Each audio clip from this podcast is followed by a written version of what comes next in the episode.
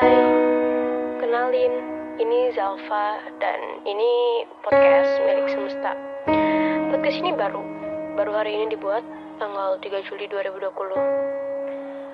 Dan podcast ini isinya cuman baca beberapa sajak dan puisi yang aku tulis di buku atau beberapa sajak dan puisi dari buku buku penulis dan mungkin nanti ada beberapa cerita yang bakal aku ceritain di sini.